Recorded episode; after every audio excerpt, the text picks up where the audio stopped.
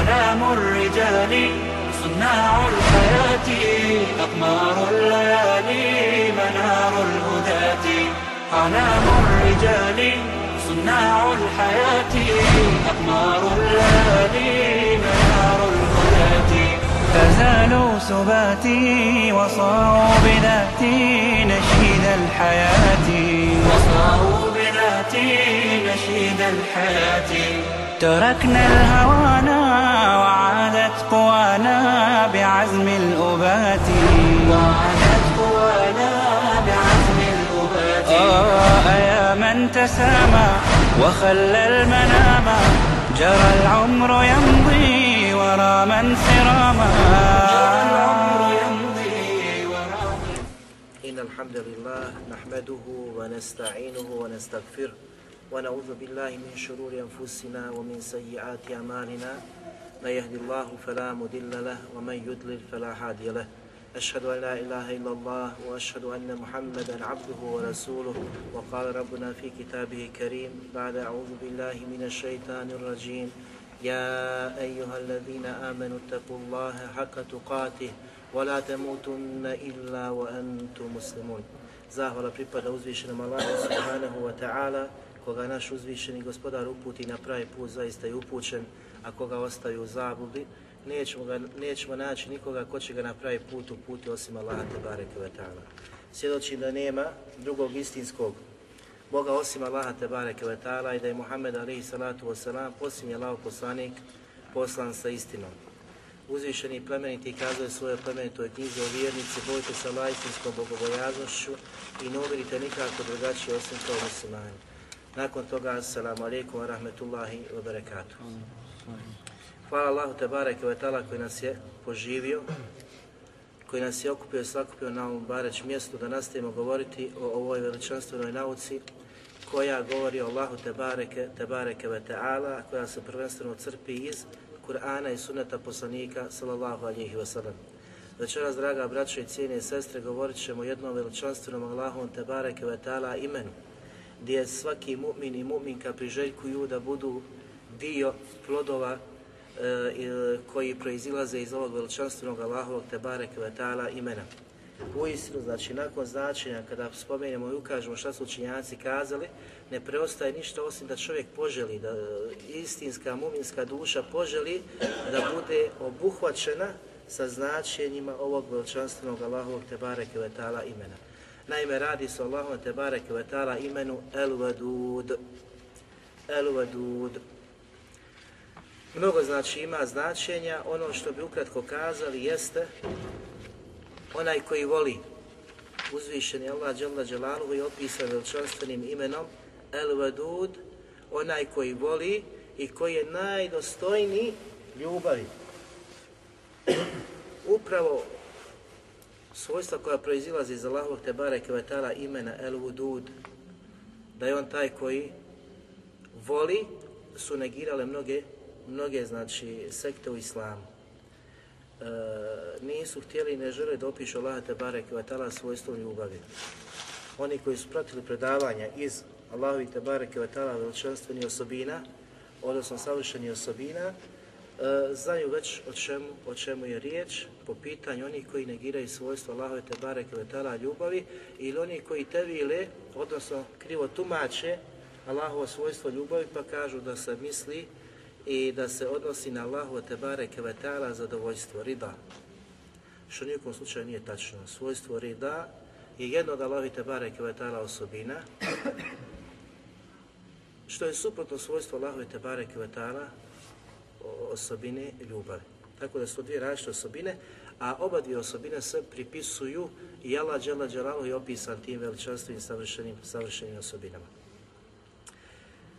Ezuđađ, rahmetullah alijeh, je kazao u značenju Allahovog tebarek vetala imena El Vudud ili Vudud u arapskom jeziku, da ono znači može nekada značiti onaj koji voli i onaj koji se voli.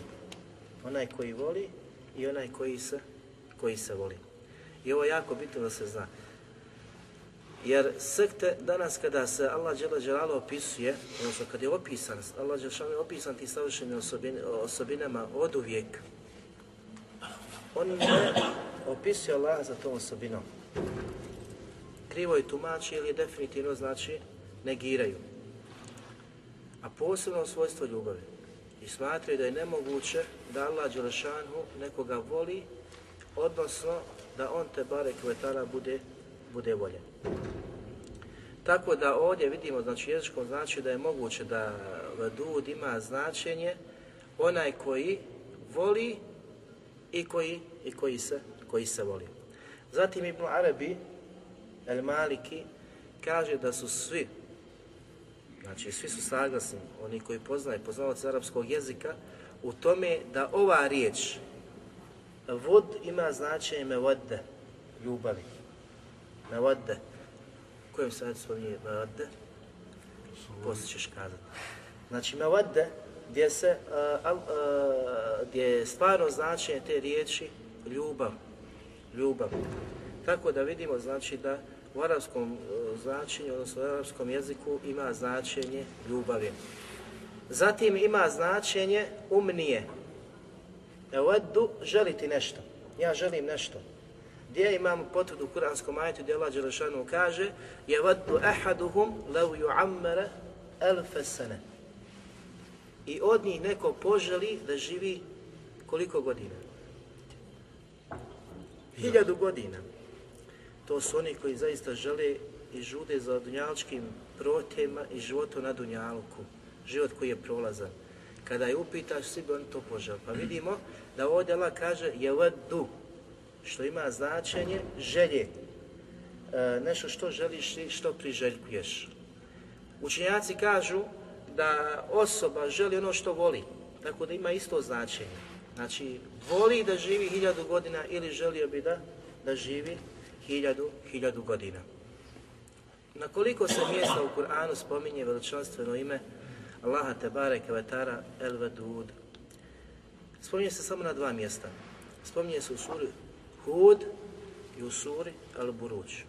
Allah Đelešanu kaže وَاسْتَغْفِرُوا رَبَّكُمْ ثُمَّ تُوبُوا إِلَيْهِ Jako nam je znači bitno, kako smo dosta kazali, da razmišljamo o završecima ajeta. I tražite oprosta od vašeg gospodara i njemu se pokajte. Pa kaže Allah Đelešanu Inna rabbi rahimu vadud. Zaista je moj gospodar onaj koji je milostiv i pun ljubavi. A sad razmislite, mostagfiru i tražite oprosta od tubu ili i njemu se pokajte u istinu, je moj gospodar, moj gospodar i naš gospodar, opisan veličanstvo imenima Ar-Rahim, El-Vedud, dok je ovo bez određenog člana, Rahimu Vedud, milostivi i koji je pun ljubavi. Tako ćemo naći podova koji proizilaze iz ovog veličanstvenog imena da Allah Đelšan voli neke kategorije, voli neke skupine, a preziri i mrzi određene skupine i određene kategorije ljudi, što je jako bitno da čovjek zna koga to Allah Đelešanu voli, a koga Allah Đelešanu ne voli, odnosno koga prezire i koga mrzi. I Allah Đelešanu je opisan i sa osobinom mržnje. Uistinu da će Allah Đelešanu posjedi takvu, takvu osobinu. Zatim u suri Al-Buruđ وَهُوَ الْغَفُورُ الْوَدُودُ Kakav je gospodar? On je El-Gafur, koji mnogo prašta, i El-Vedud, koji je pun također znači ljubavi, koji voli.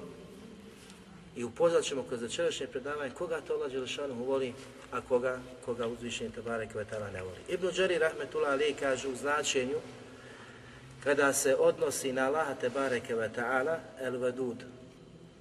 Kada se misli na Allaha, kako to ime, odnosno kako znači nosi uzvišeno veličanstvo na Allahovo ime el vedud. Pa kaže za kuranski ajet wa huwa al-ghafurul vedud.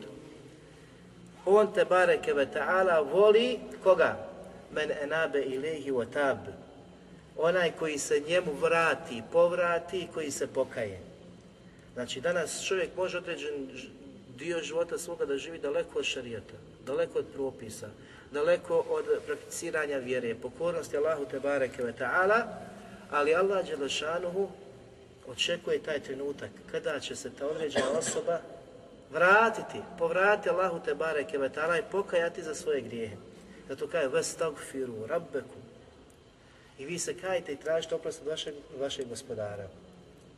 Znači uvijek čovjek ima priliku i uvijek ima mogućnost da se povrati Allahu te bareke, te bareke ve ta'ala.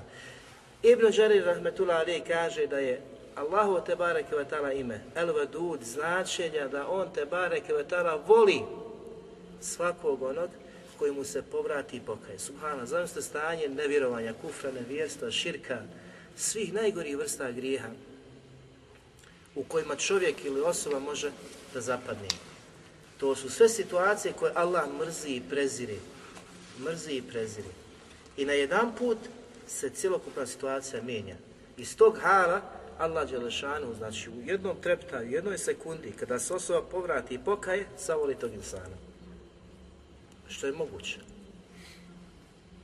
Dokaza ima znači za svakog razboritog koji uči i, ši, i šitava Allahu te barek knjigu, gotovo na svakom mjestu da ima nešto što ukazuje na, na ovu činjenicu. Zatim kaže da on te bareke vetala također obavještava svoja stvorenja. Da je on taj koji mnogo, mnogo prašta i da je pun ljubavi. Kako bi stvorenja upoznala svoga stvoritelja. I zato iz plodova koji proizilaze iz ovoga imena jeste ahi da tvoje znanje koje stičeš, šarijasko znanje, je razlog da se poveća spoznaja prema Allahu te barek vetala i da bude znači sebe da te Allah subhanahu wa ta'ala zavoli. Da te Allah te barek vetala što više imaš šarijaskog znanja pri sebi, što više izučavaš, tragaš i stičeš znanje, imaš veću mogućnost da te Allah te barek vetala više zavoli. Razumijete? I to je jedna znači, od, od, od mogućnosti, odnosno načina kako doći do, do Allahove te bareke ta'ala ljubavi. Ezadžađ Rahmetullah Ali kaže da po ovom pitanju značenja Allahove te ta'ala imena El Vedud postoje dva govora, mi ćemo go potpuniti sa govorom Hatabija Rahmetullah, Rahmetullah Ali. Znači imamo oblik kada se dođe u situaciju kada, kako smo govorili, Gafur, znači da je došlo ime El po obliku Gafur. Iz ga proizilazi ili ukazuje na ime koje? El Gafur ukazuje na ime Gafir. Sabur proizilazi ili ukazuje na Sabir. I slično, Šekur na Šakir. Što znači? El Gafur je onaj koji prašta, koji prašta. I ovdje, znači, na osnovu ovog značenja dolazi do toga da je Allah te bareke ve taj koji koji voli. Allah te bareke ve znači voli svoje iskrene, svoje iskrene robove i mi ćemo kroz predavanja koga da ukazati, pojasni koga to Allah te bareke ta'ala voli. Ali također može biti značenje da je Allah te bareke ta'ala voljen, da ga vole njegova stvorenja. Znači da ga vole njegova stvorenja. Također znači neka se može odnositi i na stvoritelja i na stvorenja. Kako? Na primjer, šekur, ovo smo ime pojašnjavali. Šekur možeš biti ti, imati tu osobinu, a Allah džela isto tako šekur. Ti si šekur jer si spoznao Allah kroz njegove blagodati, neizmjene, kojima te obasipa danonoćno. I ti Allahu te barek ve ta'ala zahvaljuješ na tim blagodatima. Allah Đelešanu u istom trenutku je šekur. Kako? Prema tebi. Jer će te nagraditi za tvoju zahvalnost što se više zahvaljuješ Allahu te bareke ve taala i on zahvaliti, zahvaliti tebi. I znači i ovdje Allah dželešanu je el vedud koji voli i kojeg voli stvorenja. Da li ga sva stvorenja voli? Veliki upitnik. Znači, oni koji ga u istinu vole, vidjet ćemo ko su ti. Mada mnogi, mnogi tvrde da vole Allaha te taala. Međutim, da li je ta tvrdnja i dokaz da li je ta tvrdnja i dokaz, znači u istom trenutku, da ti kada kažeš volim Allaha, da imaš nečim što ćeš dokazati svoju tvrdnju. Jer danas mnogi ljudi nešto tvrde, međutim da li su te tvrdnje, da li su te tvrdnje tačne.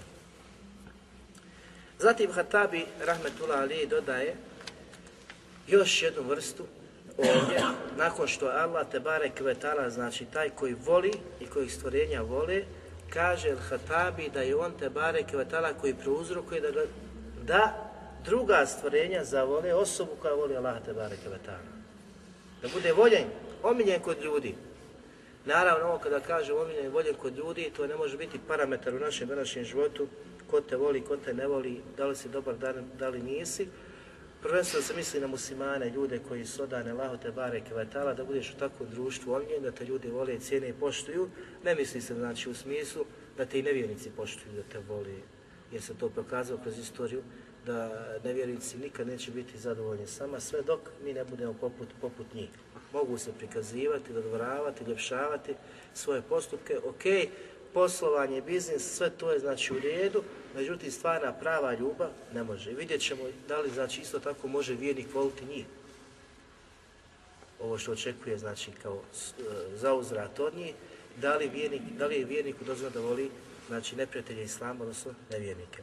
Allah Đelešanu kaže u suri Marijem Inna ladina amenu wa amiru salihat šartovi, uslovi oni koji budu vjerovali i koji budu dobra djela činili, znači potpunog imana i koji budu radili dobra djela, Allah Đelešanu daje plodove tog vjerovanja i tih dobrih djela. Kaže Allah Đelešanu, sa jeđa'alu lehumur rahmanu budda. Allah, odnosno milostivi, će učiniti da budu voljeni. Ovo je dokaz Hatabija. Znači onaj koji voli Allaha i onaj koji potpuno iman svoj i radi dobra djela, Allah njega voli, ali isto tako će Rahman milostivi učin da ga drugi, da ga drugi ljudi zavoli. I zato je jako bitno, znači danas o, da čovjek može procijeniti svoju situaciju, koliko je omiljen u društvu, to nekada može biti o, pokazatelj gdje je, šta je, ko je. Razumijete? A ne da misliš da su uvijek dobar, da su uvijek dobar, da su ljudi bježe od tebe. Mislimo, znači, prvenstveno na muslimane koji nas okružuju, svi bježe od tebe, ti misliš si dobar. Znači, Allah Đelešan daje tragove, daje pokaz, e, e, neke stvari koje ukazuju da li si zaista ti onakav kakav trebaš, kakav trebaš biti. Da li te ljudi vole ili te ne vole? Muslimani. Da li si kod muslimana dobrodošao ili nisi? I do ovih činjenica čovjek ne treba da bježi. Ne treba znači da bježi. Esadi Rahmetullah Ali kaže El Vedud je onaj koji voli svoje vjerovjesnike. Allah Đelešanu je El Vedud, koji voli svoje vjerovjesnike, poslanike i njihove sljedbenike. Ovo je sad radosna vijest. El Vedud, koji voli i poslanike i vjerovjesnike i njihove sve sljedbenike. Što znači mi muslimani koji smo se odazvali Allahu te barek i poziv poslanika alaih sallatu wasalam, Allah Đelešanuhu sve, sve nas voli. I to čovjek ne smije da sumnja, jer je krenuo stazom poslanika alaih salatu, alaih salatu wasalam. Zatim kaže, oni im je draži od svih stvari. Sad su ovdje stvari u kojima se možemo mi analizirati. Da li su mi ta, od tih? Oni im je draži od svih stvari. Da li nam je Allah Đelešanuhu najdraži? Da li dajemo prednost Allahu te bareke svim drugim stvarima, svim drugim stvorenjima u smislu znači svega onoga što je Allah te bareke stvorio? Koga više volimo? Znači, kome dajemo prednost? Znači on te bareke ve je njima one koje voli, sa kojima je zadovoljan, draži od svih drugih, svih drugih stvari. Pa kaže, srca su im se ispunila ljubavlju prema njemu. Ne u srce je ušla ljubav prema njemu, ispunila. Kompletno tvoje srce je predano Allahu te bareke Prepuno je ljubav prema Allahu subhanahu wa ta'ala. I zato ćeš vidjeti vjernika koji ima znači takvo srce da uvijek je prvi u svim dobrim djelima. Žudi ka susretu Allahu te bareke ve Ispunjava sve obaveze. I on je stroge i on je pohvalne i on je sunnete, znači od poslanika alaih sallatu wasalam. Uvijek je prvi, ne odgađa. Jer je njegovo srce ispunila ljubav prema uzvišenom Allahu te bareke te bareke Zatim kaže nakon toga, jezici njihovi njega hvale. Uvijek. A vidite kako je on opisao, Rahmetullah Ali, znači sve to potpunio s dokazima. Ne navodi dokaz, za svaku ovu stvar ima dokaz iz Kur'ana i suneta poslanika. Jezici njihovi ga. Uvijek. Uvijek znači uzvišnog Allaha te bareke ve veličanstvenog veličaš i slaviš u svakom svom stanju. Zato Ajš radi Allah kaže, poslanik sallam je uvijek veličao Allaha te bare u svim svojim situacijama. Znači u svim svojim situacijama je poslanik sallatu wasalam veličao svoga, svoga gospodara. Zatim kaže njihova srca mu hrle ljubavlju i hlasom. To je onaj znači, postupak koji uvijek znači, činiš radi Allaha te bare i u ime Allaha te bare Sve što činiš radiš radi, radi njegovog veličanstvenog te bare lica. I kaže obraćanjem u svakom pogledu. Ah i nema neko gdje ćeš kucat vrata na lijevo i desno, vrata su kod Allaha te bare Znači iskren, pravi vijenik, u čije srce se ulava veličanstvena spoznaja i ljubav prema Allahu te bare on u svakom trenutku, u svakom u svakoj situaciji se obraća Allahu te bareke, te bareke vetala.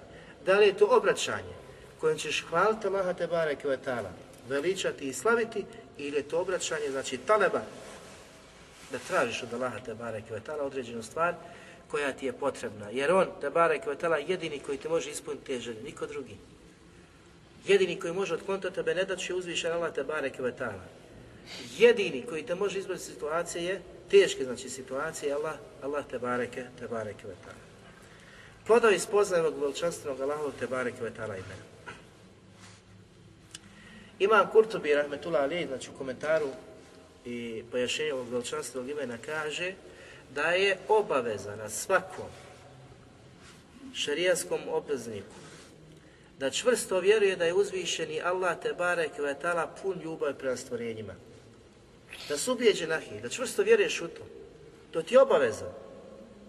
Da Allah te bare kvetala, znači pun ljubavi prema svojim stvorenjima. Od Enesa radi Allah se prema spojetva hadis poslanika ali sallatu sam. Šeha Albani ga smatra vjerodostojnim. Kaže, Wallahi, poslanik sallahu alihi wa sallam se zaklinje. La yulqi Allahu habibehu fin nari. Kaj tako mi Allaha, uzvišeni Allah neće baciti u vatru onu osobu koju voli. To je nešto veličanstveno.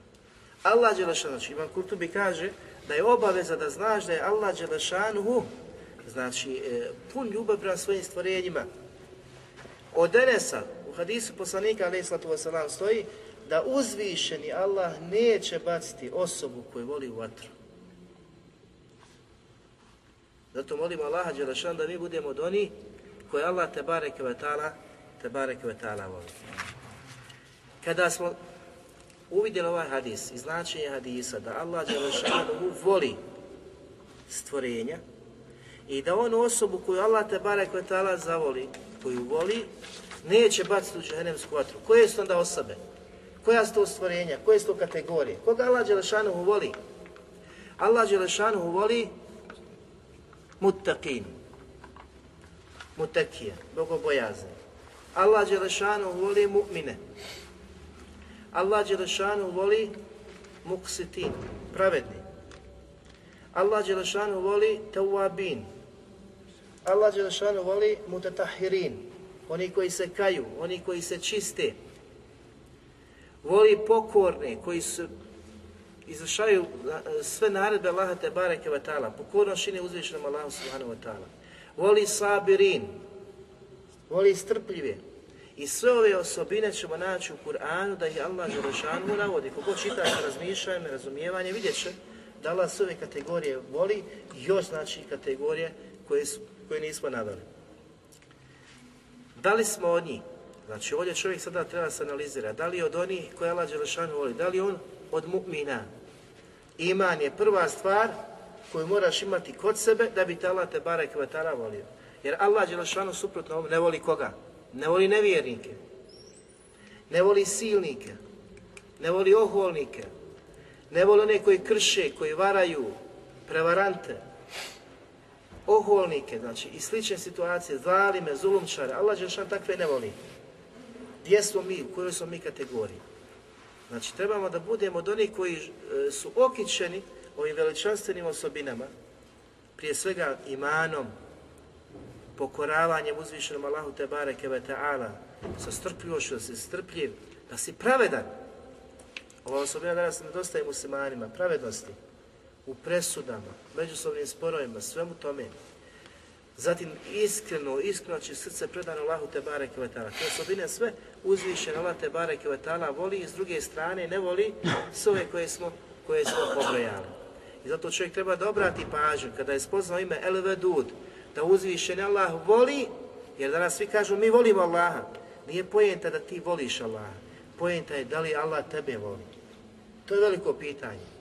Znači mi možemo tvrditi mi volimo Allaha, i tvrdili su za vrijeme poslanika, ali sallatu wasalam, ljudi koji navešao posle, koji su govorili mi volimo i Allaha i poslanika. Pa Allah objavio ajet koji je ajet ispita. Znači mora biti neki pokazatelj te ljubavi. Ali u stvari ono što da bi zaslužio Allahu te barek i ljubav imaju esbabi. Imaju uzroci koji moraš uzeti, prihvati i rati i rati po tome. Zatim kaže Imam Kurtubi u nastavku Zatim mu je obaveza da nastoji da ga Allah dželle zavoli. Kako? Odmah ukazuje. Pridržavajući se njegovih naredbi i zabrana. Znači, to treba biti obaveza svakom, svakom pojedincu. Obaveza da nastojiš da te uzvišeni Allah Đelešanu zavoli. Kako? Tako što ćeš biti pokoran, tako što ćeš se pridržavati svega onoga što je uzvišeni Allah te barek vetala naredio i da ostaviš sve ono što je uzvišen Allah te barek zabranio. Kao što je uzvišeni Allah nastavlja, učinio da ga zavolimo dajući nam svoje blagodati. Zašto voliš Allah te barek Spoznao si sve blagodati kojima to pa uzvišen Allah te barek Spoznao si uzvišenog stvoritelja koji te je stvorio. Zahvaljuješ Allahu subhanahu. Voliš takvog gospodara. Danas je znači e, nešto što je obično, znači kod ljudi, kad ti neko nešto dadne, da mu se zahvališ i da voliš takvog insana koji je znači dao neki znak pažnje prema tebi, jel? Da te nije zaboravio, drag ti je taj insan. Zamislite Allah te bareke vetala koji ti je sve podario, sve ti dao i koji je pripremio kuću uživanja, džennet, koliko se Allah te bareke vetala treba voliti. I vidjet ćemo iz plodova da su vjernici ti koji najviše Allah te bareke vetala voli. Najviše, znači koliko god ti ljudi čine dobro, da ti daju, da te gotive, da te paze, nikada ne možeš njih voliti poput Allaha te bareke vetala. Nikada. Ni to smiješ dozvoliti sebi. Nego Allah poseban, uzvišen, plemenit, radi te plemenite uzvišnosti, stvoritelj koji te je stvorio, zaslužuje posebnu ljubav. Posebnu ljubav. Zatim kaže nakon toga,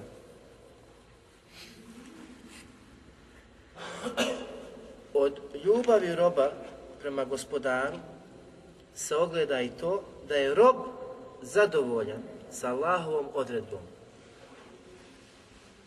To je pokazatelj tvoje ljubavi, da zaista voliš Allaha te bare kevetala, da si zadovoljan sa, njegovim, sa njegovom odredbom, kaderom. Šta god da te zadesi, ti si zadovoljan.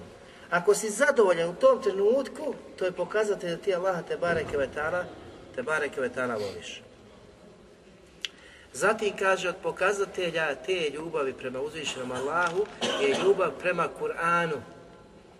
Da voliš Allahovu knjigu, da voliš Allahov govor, u smislu da voliš da učiš, da čitaš, da radiš po onome što ti nalaže Kur'an.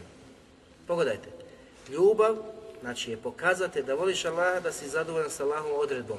Zatim sa Kur'anom, Allahovom knjigom, da je voliš. Zatim kaže nakon toga ljubav prema poslaniku alaih sallatu wasalam. Da voliš poslanika sallahu alihi wasalam. Da voliš poslanika, pa kaže nakon toga i da voliš njegov sunnet.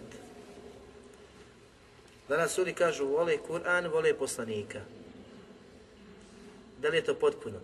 Voliti Kur'an znači voliti ga učiti, voliti ga čitati, e, razmišljati, i raditi po njemu. To je pravi pokazatelj, da voliš Kur'an. Zatim da voliš poslanika, alaih sallatu wasalam, možeš to tvrti, ali je pravi pokazatelj da voliš njegov sunet. A najbolji pokazatelj, kaže Ivan Kurtubi, da slidiš njegov sunet. I ne samo to, da pozivaš njegov sunet. Pogledaj kako je fino pojasnio.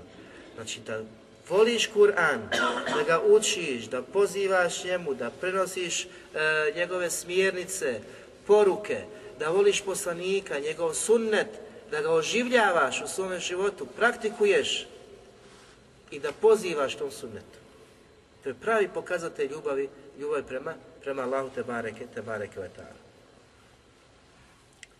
Zatim oni koji su bili u vremenu poslanika, koji su tvrdili da vole Allaha Đelešanu, Allah šanu je objavio ajet Kul in kuntum tuhibbuna Allahe fattabi'uni juh bibukum Allah.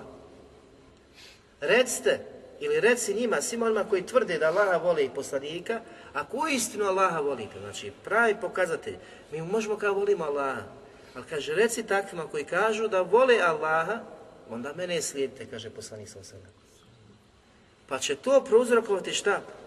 Ljubav Allaha prema vama. Pa će vas Allah Đelešanu zavoliti. E sad, koliko smo mi u praksi, koliko mi sjedimo doista poslanika alaih sallatu wasalam, to možemo sami da zaključimo i sami da analiziramo naše stanje. Ali je to činjenica, pravi pokazatelj. Koliko voliš Allaha Đelešanu, to će potvrditi tvoja praksa, koliko slijediš poslanika sallahu alihi wasalam. Nema znači lijevo, nema desno, nema gore, nema dole, nego se sve vraća na praksu poslanika sallallahu, sallallahu alihi wasallam. Zatim kaže Imam Kurtobi, i znaj da je primjer ljubavi prema Allahu te bareke ve ta'ala ostavljanje njegovih zabrana. Pogledajte ovog primjera. Kako? Imam Kurtobi pojašnjava nije znam samo pokazatelj da radiš ono što je Allah Đelešan naredio. Jer kaže onaj koji radi što je Allah naredio je i fasik i mu'min. Znači može biti osoba sa manjim imanom, sa e, znači, e, blažim stupnjem imana, da radi izvršava dobra djela. Razumijete? Ali je fasik u isto vrijeme.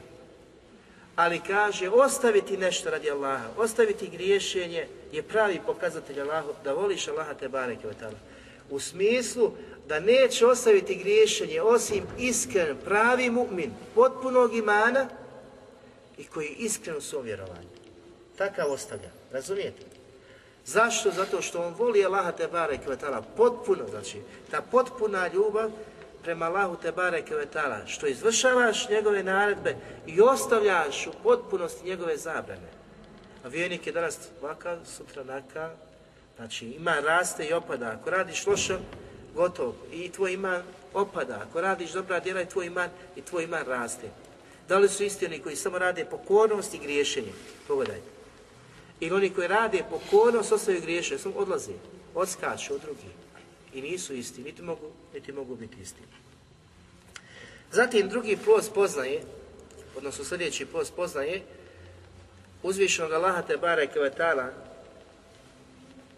što proizilazi iz poznaje Allahovog imena El Vedud, da ta ljubav, ako Allah u nas zavoli, on te bare kevetara uči da nas drugi ljudi zavole.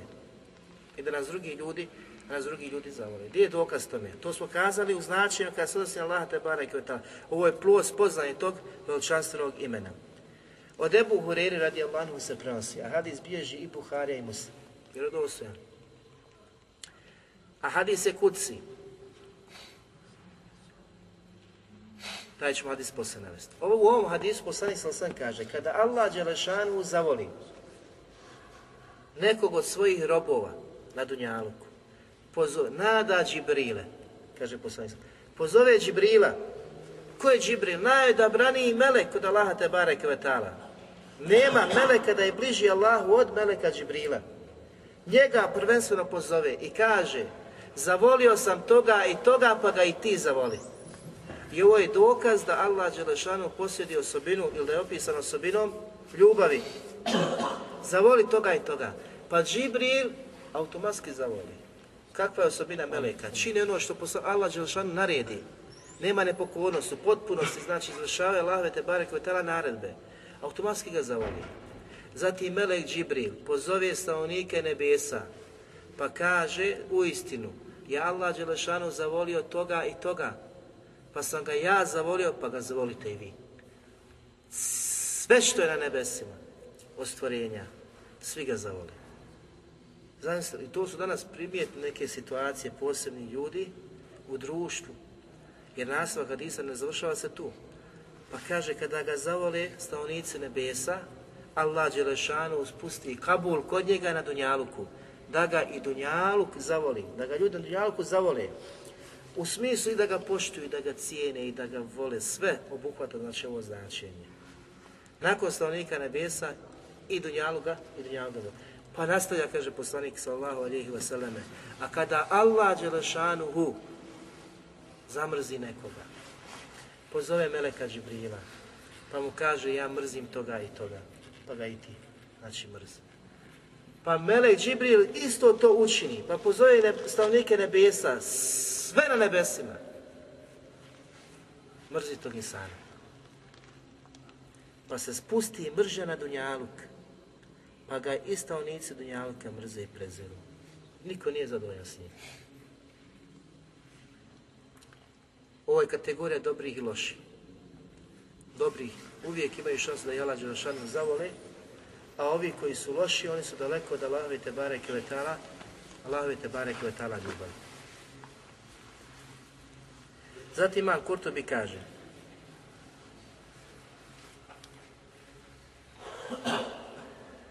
Imam Kurtobi, zašto Imam Kurtobi najviše spominjamo ovdje?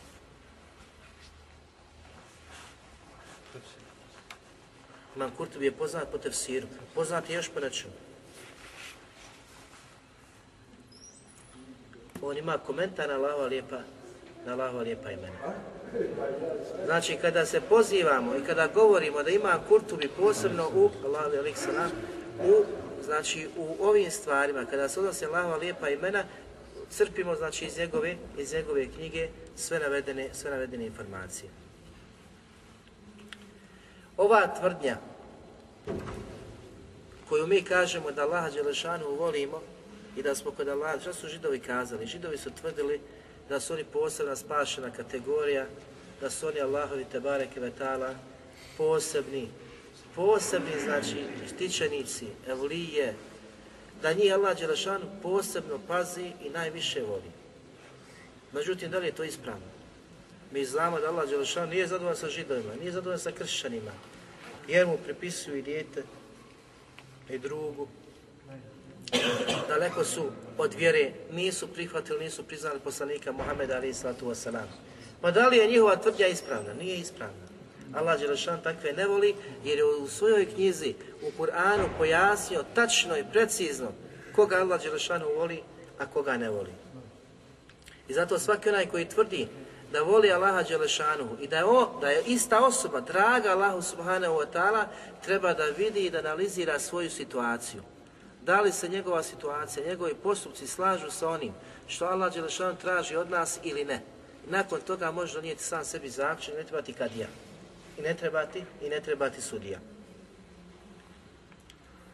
Jedini, draga braćo i cijene sestre, koji je zaslužan znači koji je zaslužan da se voli zbog samog sebe i uzvišenja late bare kvetala.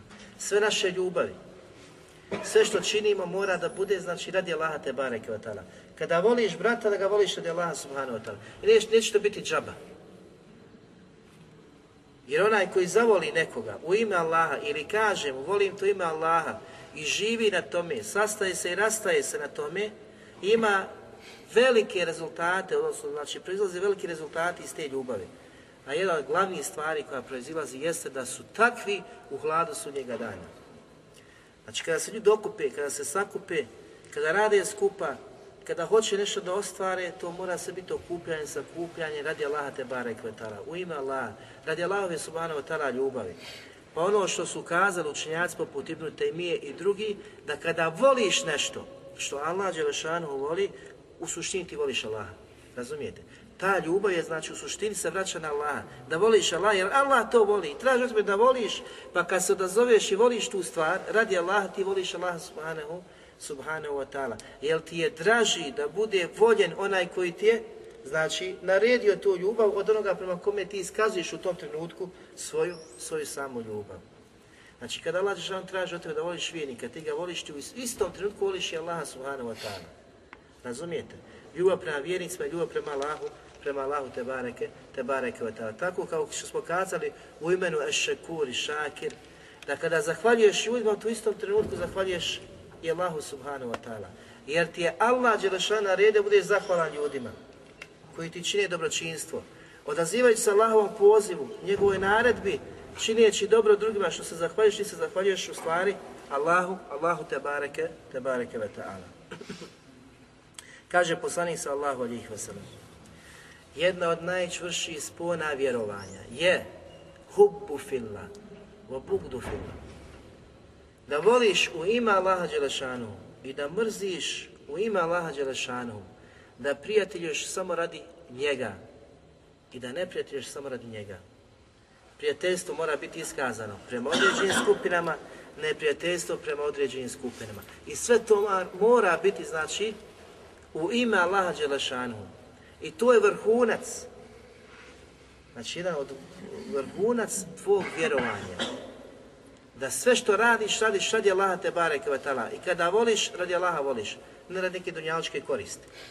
Ne da nas okupi na nekom mjestu dunjaluk.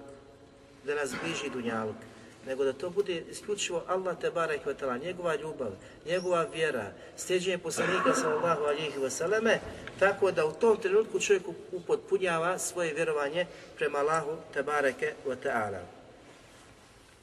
Zatim sljedeći plod koji proizilazi iz ovog večerašnjeg imena o kojem govorimo, El Vedud, da vjernik nikada ne smije sebi dozvoliti da mrzi i prezire onoga koga Allah voli. Nikada. A koga Allah voli, što smo kazali? Mu'mine. Pokorni. Mutekije. Koji saburaju, znači sabur može biti kod nevjernika na nekim mezijetima, ali ovdje misli, znači prvenstveno na vjernika koji okreće sa tom osobinom. Ne smiješ iskazati prezir i mržnju prema takvim.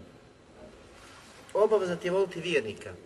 I ne smiješ mrziti one koje Allah te bare kvetala voli. Danas, zbog mnoštva informacija, dezinformacija, svega što se dešava, dolazi do ovih nekih pogrešnih ubeđenja kod određenih ljudi.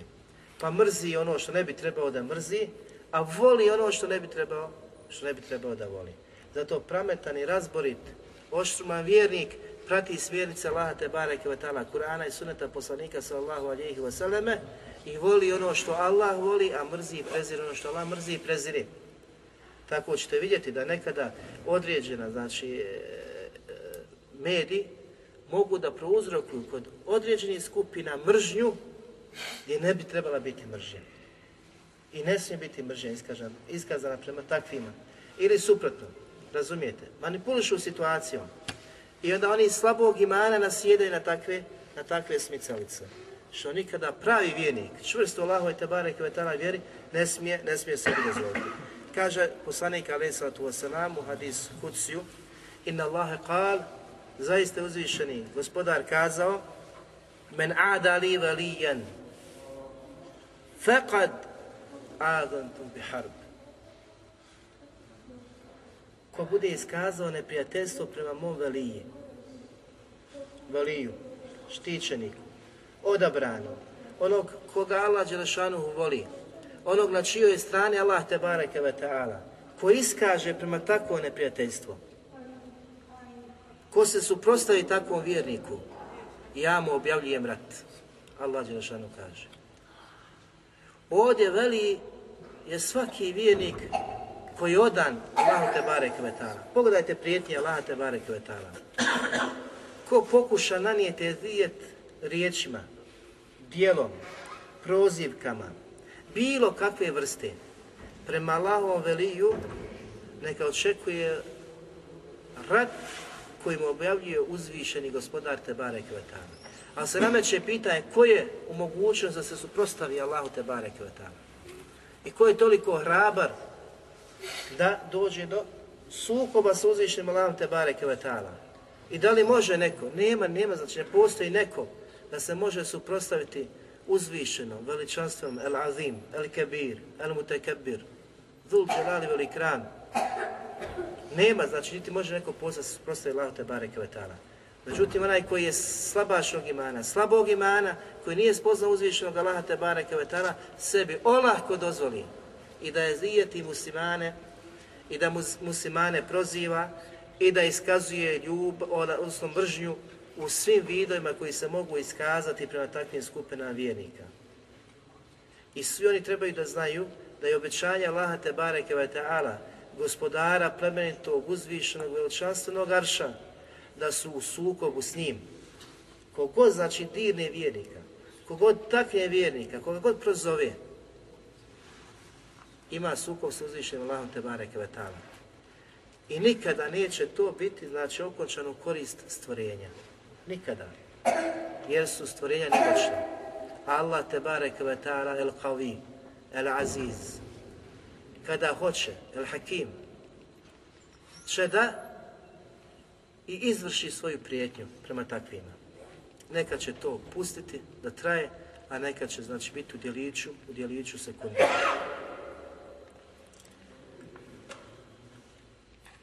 Zatim sljedeći plod, da nije dozvoljeno, draga braćo i cijene sestre, da vjernik voli neprijatelji Islama.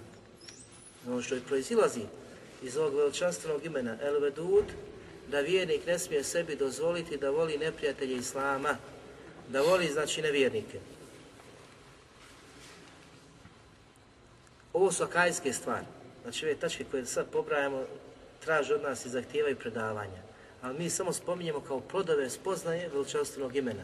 A sve ovo znači mora se detaljno pojašnjavati kada može, kada ne može, šta je sa ženom koja je ehlu kitabika, čovjek živi s njom, šta je sa ljubavlju poslanika sallallahu alihi veselam prema Ebu Talibu, znači to su neke šube koje navode drugi neistomišljenici koji se suprotstavljaju kide ehli sunneta, e, razumijete, znači život sa kršankom, sa židovkom, ljubav poslanika sa osam iskazana prema svome, e, svome Amidži, e, kako odgovoriti na te stvari, kako pričati, kako razgovarati.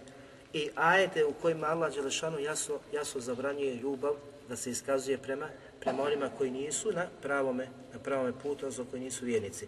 Allah Đelešanu kaže La teđidu kaumen yu'minune billahi wal jevmil ahir. Nećeš naći, niti je dozvoljeno onima koji vjeruju u Allaha te bareke ve taala i sudnji dan yuaduna man hada Allaha wa rasula da takvi prijateljuju da takvi vole koga one koji se suprotstavljaju Allahu i njegovom poslaniku ajte jasan on nema potrebe da se pojašnjava da se, da se komentariše pa nastavlja Allah Đelešanu ukazujući na najbliže pa kaže وَلَوْ كَانُوا آبَاءَهُمْ Makar to bili njihovi očevi. Nakon toga, ev ebnaehum, ili njihovi sinovi. Znači ne završava samo na očeva, nego i na sinovi. Pa dalje, ev ihvanehum, ili njihova braća. I da li samo se zaustavlja gospodar u pobrajanju očevi, sinovi, braća? Ne. Dalje kaže Allah Đelešanu, ev aširetahum, ili njihova bližnja rodbina. Kogod od njih ispoljava mržnju, neprijateljstvo, borbu prema Allahu te bareke ve ta'ala, prema njegovom poslaniku sallallahu alihi ve prema vjernicima, spletkari prema njima, nikada, nikada nije dozvoljeno muslimanu takve voli.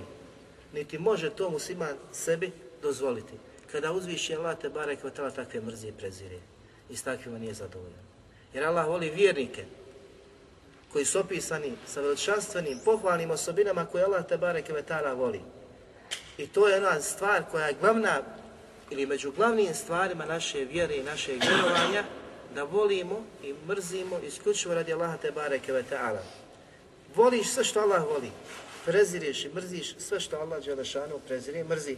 Međutim, danas je žalostno da muslimani ne znaju što Allah voli, a što Allah Đelešanu mrzi i onda dolazi znači do poremećaja u njihovom vjerovanju. Pa iskazuje ljubav prema onima prema kojima ne bi trebao iskazati ljubav, a mržnju silu prema onima prema kojima ne bi smio nikada znači iskazati niti mržnju, niti, niti silu.